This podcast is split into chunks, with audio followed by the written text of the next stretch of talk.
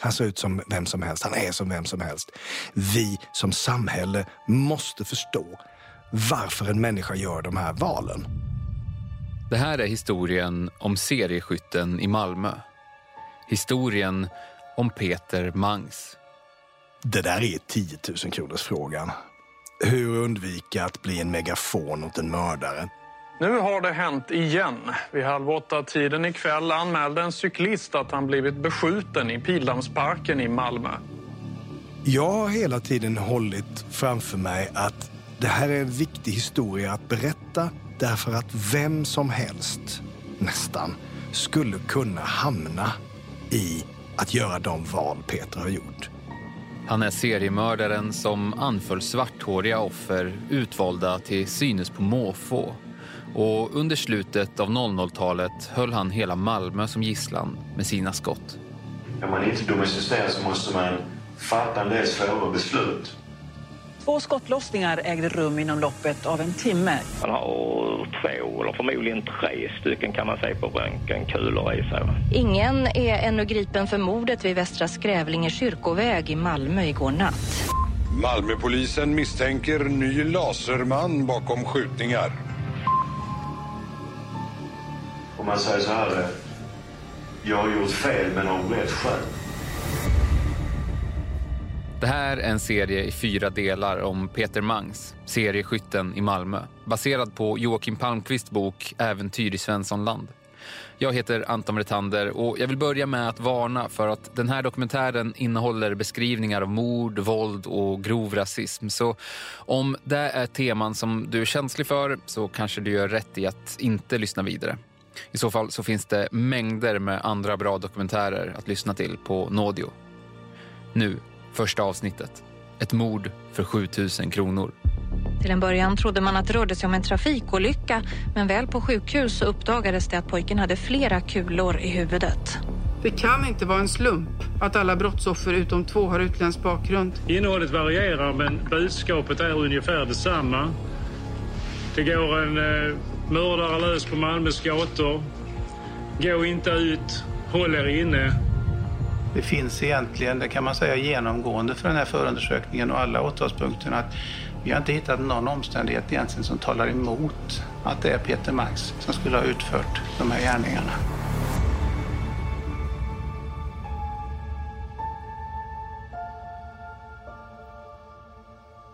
Det är 14 minuters cykelväg från Peter Mangs hyresetta med kokvrå till trapphuset där någon ska dö.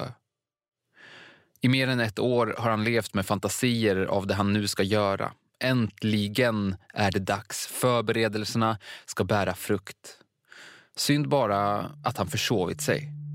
Peter Mangs har egentligen sett ut ett visst hus där han hade planer på att mörda flera i trappan. Det här är Joakim Palmqvist, författare till boken Äventyr i Svenssonland som handlar om just seriemördaren Peter Mangs. Som du kommer få du lyssnar på en Nådeopodd och över hundra andra titlar lik den här finns att lyssna på i vår app, men också via Nådio Plus i Apple Podcaster. Bli prenumerant idag för att kunna lyssna på hela vårt bibliotek utan annonser. Och följ Nådio Njut av Max Selection El Maco med Premium Beef. Vår saftiga och lyxiga burgare av 100% svenskt nötkött och 100% fantastisk smak. För ett ännu godare McDonalds. höra så är Joakim den som efter sina långa samtal med mördaren till slut får fram ett erkännande. Det var många utländska namn i den här trappen. Hans plan var att ta sig dit och arbeta sig ner lägenhet för lägenhet tidigt på morgonen. Han skulle ta folk i princip när de lämnade lägenheten för att gå till jobb eller skola eller något annat. Men han vaknar för sent. Det är ovanligt för Peter Mangs att vara så odisciplinerad. Istället för det objekt han har spanat på och planerat för så sitter han nu på cykeln med sikte inställt på ett åttavåningshus på Gånglåtsvägen. Men eh, även det här är ett område som han kan varenda hörn, gömställe och reträttväg av. För Mangs bodde här som barn. Det är en tidig förmiddag 2003 när Peter Mangs går in i lägenhetshuset. Han bär bomullshandskar för att inte lämna avtryck. Från början var de vita men han har använt te för att färga dem i samma ton som sin hud. Under överdragsjackan så bär han en fiskarväst med mängder av fickor. Fickor som han har fyllt med allt han behöver för att utföra sitt dåd. Den här dagen så är vapnet extra otympligt. En lång ljuddämpare sitter på pipan. Och vem offret ska bli, det vet Mangs inte när han tar sina första steg upp mot åttonde våningen. Hissen är inget alternativ. För stor risk att stöta på andra människor. Peter Mangs vet, för han har testat olika varianter. Han har tränat sig i noga planlagda övningar. Han behöver ha kontroll över situationen, överblick. När han kommer upp på det våningsplanet och står och väntar och planerar nästa steg då tar han faktiskt tillfället i flykten därför det kommer ut en man, en äldre man, pensionerad, hjärtsjuklig person och ska slänga skräp. Den äldre mannen heter Koros och är två månader bort från sin 66-årsdag. På morgonen så har han spelat schack på datorn. Han kommer ursprungligen från Iran och spenderar en del tid på olika diskussionsforum för att prata om det politiska läget i hemlandet. Ibland så ringer han till närradion och lämnar synpunkter på just det här temat. Och det är en detalj som kommer att uppta stor del av polisens tid och misstankar de kommande veckorna. Koros ekonomi är knapp. Under 90-talet så gjorde han ett försök att driva eget. Import av pistagenötter, ris och te från Iran. Men det fungerade inte och han fick stora skulder hängandes över sig. Tre år tidigare så rensades det värsta bort i en skuldsanering och nu, 2003, så lever han på pensionen. 8 148 kronor i månaden. Totalt så har han idag 7 175 kronor och 52 öre på kontot. Bankkortet som ligger i plånboken har han inte använt på snart två veckor. Han har soporna i handen när han går ut genom ytterdörren av trä. På den sitter ett gult klistermärke med röd text till stöd för hjärt och lungsjukas riksförbund.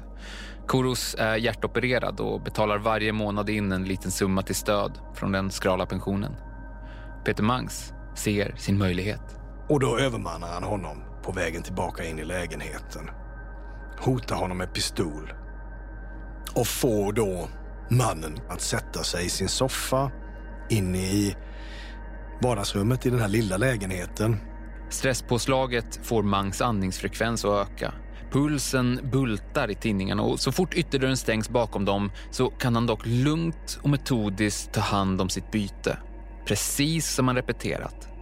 Han stödjer vapnet med den långa ljuddämparen mot sitt knä så att offret inte kan se skakningarna. Han lugnar ner situationen, försöker känna och dämpa sin egen stress. Djupa andetag in genom näsan, ut genom munnen. Ur en av de många fickorna så plockar han fram en penna och räcker över den till Koros. Beordrar honom att skriva upp koden till sitt kontokort. Peter Mangs rör själv inte vid pappret men memorerar siffrorna till senare. 5, 2, 1, 5. Koro säger, dödar du mig så blir det värre för dig själv, som människa. Men det finns ingen återvändo nu. Han fortsätter med frågorna som han övat in. Namn, sjukdomar. Det är viktigt att allt sker enligt planen. Till slut är formalian avklarad och de är öga mot öga i vardagsrummet. Och i en kort stund så är det som om tiden står stilla. Och där skjuter han ihjäl honom. Med sin Glock 19, 9 mm ammunition. Kulan väger bara 8 gram. Utvändigt märks det knappt när den träffar Koros men invändigt så perforerar den bröstbenet, ena lungpulsådern och vänster lunga. Kulan stannar i ryggen och han faller hostandes ner på sida. Mörka fläckar formas över soffan och blodet rinner ner på golvet. Det tar uppskattningsvis några minuter för honom att dö.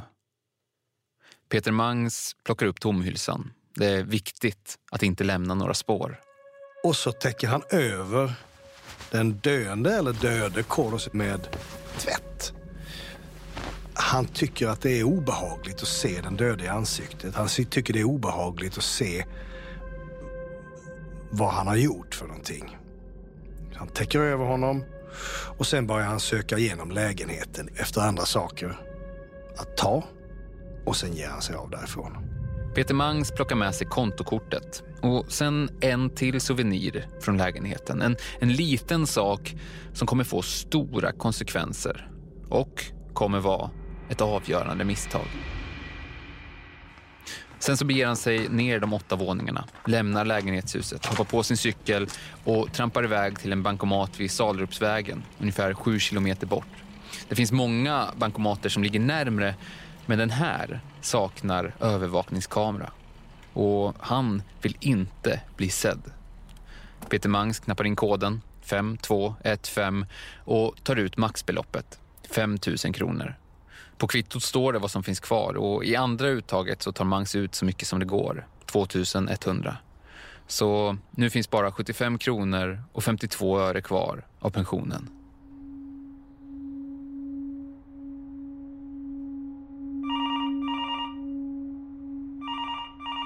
Dagen efter mordet ringer det på Malmöpolisens telefon.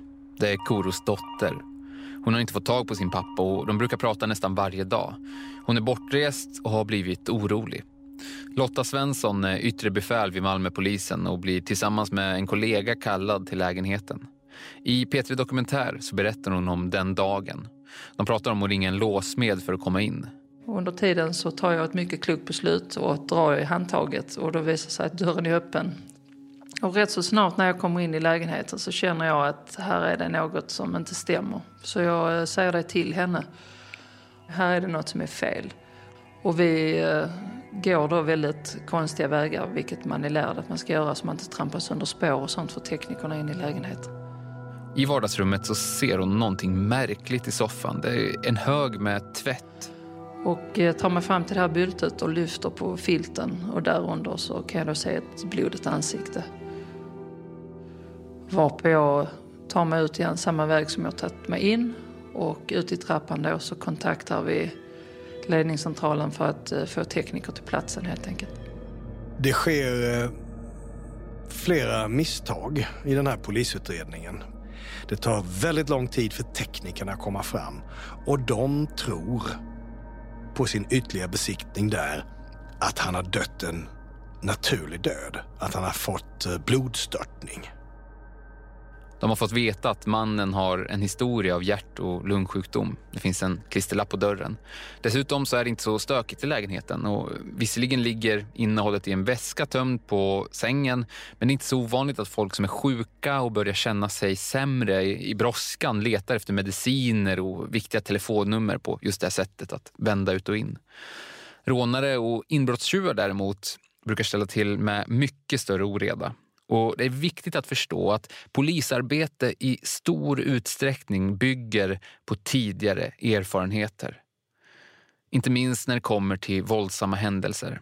Dödligt våld är ovanligt i Sverige under den här tiden, i början av 00-talet. Omkring 80 fall årligen. Allra oftast sker det inom nära relationer av olika slag och andra dödsfall inom polisområdet Malmö har i de allra flesta fall naturliga förklaringar. Så poliserna följer scheman, mall. Du lyssnar på en Nådio-dokumentär och så här låter några av våra andra titlar som finns att lyssna på som prenumerant. Via vår app eller Apple Podcaster. En vacker försommardag 1960 hittas tre ungdomar döda vid en vykortsvacker sjö i södra Finland. Det här är historien om plastikkirurgen Karl-Åke Troilius uppgång och fall. Ormen Friske flydde bombningen vid Helgoland. En bit ut eh, på en strand så hittar han en kropp. Bli prenumerant så kan du lyssna i timmar helt utan reklam. Nu på Storytel. Första delen i en ny spänningsserie. En liten flicka hittas ensam i en lägenhet. Hennes mamma är spårlöst försvunnen Flickans pappa misstänks för brottet men släpps fri trots att allt tyder på att han är skyldig.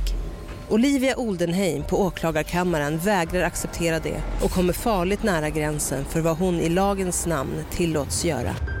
Lyssna på När allt är över av Charlotte Al-Khalili på Storytel. Hej, Susanne Axel här. När du gör som jag och listar dig på en av Krys vårdcentraler får du en fast läkarkontakt som kan din sjukdomshistoria. Du får träffa erfarna specialister, tillgång till lättakuten och så kan du chatta med vårdpersonalen. Så gör ditt viktigaste val idag, lista dig hos Kry. och lathundar strukturerade efter de här förutsättningarna. Olyckligt nog, i det här fallet, så svarar inte mallarna mot verkligheten. Men till deras försvar, möjligheten att det här dödsfallet rör sig om en välstrukturerad mördare med legala vapen och ljuddämpare som mördar i stort sett för nöjes skull, där är sommaren 2003 svindlande liten. Det har helt enkelt aldrig hänt förut i Malmö. Och det är först på obduktionsbordet som det upptäcks att Kodosefatian är skjuten i bröstet. Och då blir det naturligtvis en full-blown mordutredning. I TV3s Efterlyst spekuleras det senare om mordet. En intressant gärningsman. Jag tror inte det är någon sån där jättegangster, ingen hitman utan jag, jag kan få för mig till och med att det är någon sån där yngre förmåga med lite experimentlusta som har slöjdat ihop det där själv och eh, till och med har bestämt för att han ska pröva det i praktiska livet. Till slut så har man i vilket fall alltså hittat kulan i mannen och insett att det här är ett mord. Men det finns ett stort problem. Innan detta upptäcks den påföljande vardagen så har Koros son kommit till lägenheten för att röja upp som man gör efter anhöriga som har avlidit. Och han har sett blodpölen och de har flyttat på en matta, de har plockat ibland grejer där inne. Så de har ju i princip, utan att själva mena något med det, förstört alla eventuella spår efter Peter Mangs som fanns i lägenheten. Först efter det görs det då en teknisk utredning. Och så söker man motiven, bland annat i hans politiska engagemang. När Koros kropp fortfarande ligger oupptäckt på soffan så sitter Peter Mangs i trygghet i sin lilla etta 14 minuters cykelväg därifrån. Har pengarna utspridda på bordet framför sig. 7100 kronor. Och han beskriver känslan som infann sig då som ren eufori. Han har berättat efter, jag hade haft en idé som jag kommit på själv med min visionära förmåga och genomfört den. Det var en unik idé. Ingen hade genomfört den tidigare. Inte av någon med vapenlicens och utan kriminellt förflutet. Jag tror att Peter Mangs drivs av skräck, rädsla. Rädsla för det okända, rädsla för vuxenvärlden. Eh, för det man är tvungen att passa in i. Och det transformerar han till en vilja till hämnd, att slå tillbaka. Han är rädd. Han har varit rädd så många gånger. Han har råkat ut för saker som har varit skrämmande i hans ögon av många olika skäl. Och han har psykologiserat om den här skräcken till en för honom rättmätig vilja att hämnas. Och därmed har han också gett sig själv rätten att hämnas på vem som helst för att nå någon slags diffust konstruerat mål. För att förstå hur Peter Mangs överhuvudtaget hamnade här så behöver vi gå tillbaka i tiden, till 1970-talet.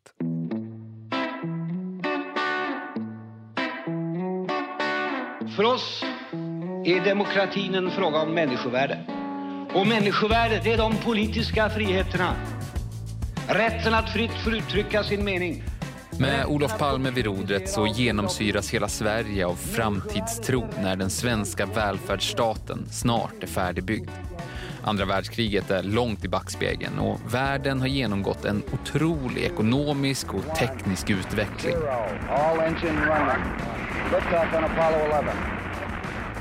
En favorit när folket samlas framför rutan är Sveriges Televisions komediserie Herrarna i hagen.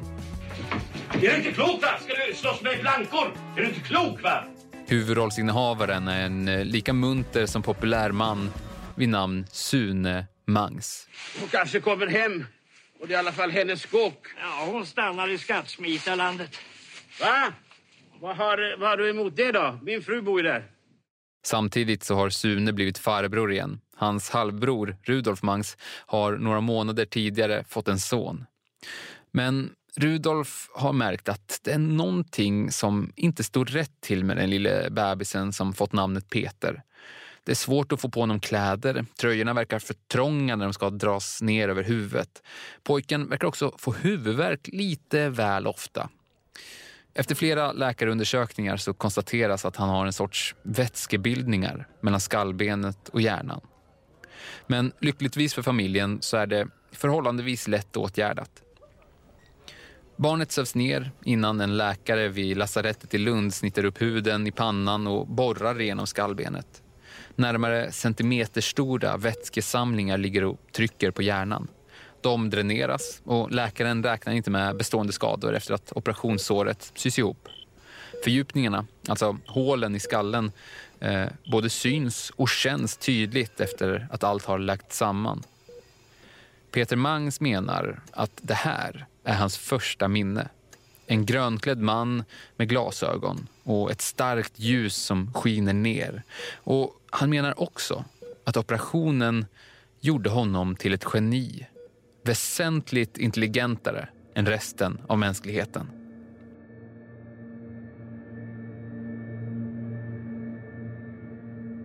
Mangs kommer från en splittrad familj. Hans eh, pappa lämnar familjen ganska så tidigt och han växer upp med sin mamma och sin äldre syster. Medan pappan skaffar sig en ny familj i Värmland så flyttar mamman och de två barnen till Malmö 1976.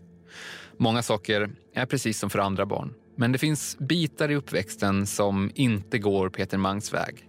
Han blir offer för mobbing. Han berättar om hur han blev påhoppad av en grupp äldre barn. Om hur de jagar honom över gårdsplanen för att komma åt hans röda BMX-cykel. De är avundsjuka menar han.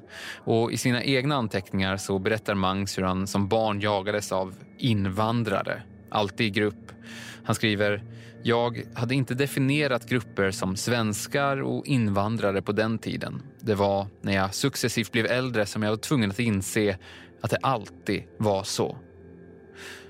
Ett annat minne som etsat sig fast är när han vill leka med ett par jämnåriga flickor på en lekplats. De vänder honom ryggen och går undan. De överger honom. Och det svider, även långt senare i vuxen ålder. Det är ett av många upplevda svek genom barndomen. Men han beskriver ju då en frånvarande pappa som eh, han har ett komplicerat förhållande till. Jag tror han ser upp till sin pappa väldigt mycket, beundrar honom och vill vara sin pappa till lags. Men eh, träffar honom med ojämna mellanrum. Alltså han är, växer upp hos sin mamma. Och mamman jobbar eh, udda tider, hon är servitris. Så eh, han får i stor utsträckning sköta sig själv från ganska tidig ålder. Naturligtvis lämnas han inte vind för våg, men, eh, men det är en eh, svår uppväxt.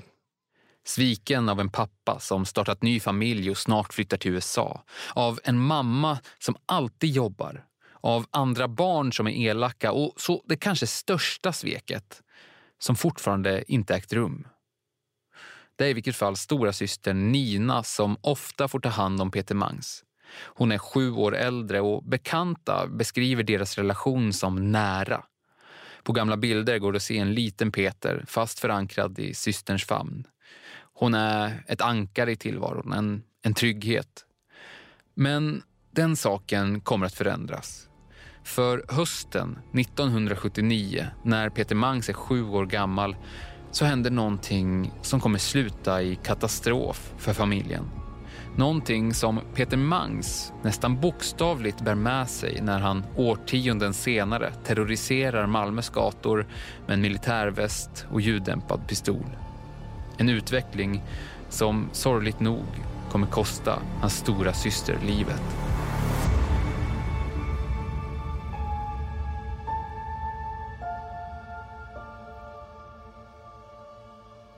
Det här var den första delen av fyra i berättelsen om Peter Mangs, serieskytten i Malmö, baserad på Joakim Palmqvists bok Äventyr i Svenssonland. Utöver våra egna ljud så har vi i det här avsnittet använt klipp från Sydnytt, P3 Dokumentär, Herrarna i Hagen, TV4-nyheterna, NASA, Efterlyst och P4 Malmöhus. Ljudtekniker är Jonas Sjöberg, manusbearbetning Tobias Norström. Jag som har gjort den här podden heter Anton Bretander. Tack för att du lyssnat. Följ gärna Naudio Docs och glöm inte att mängder av dokumentärer väntar på dig i Naudios app eller via Naudio Plus i Apple Podcaster. Bli prenumerant så kan du lyssna i timmar helt utan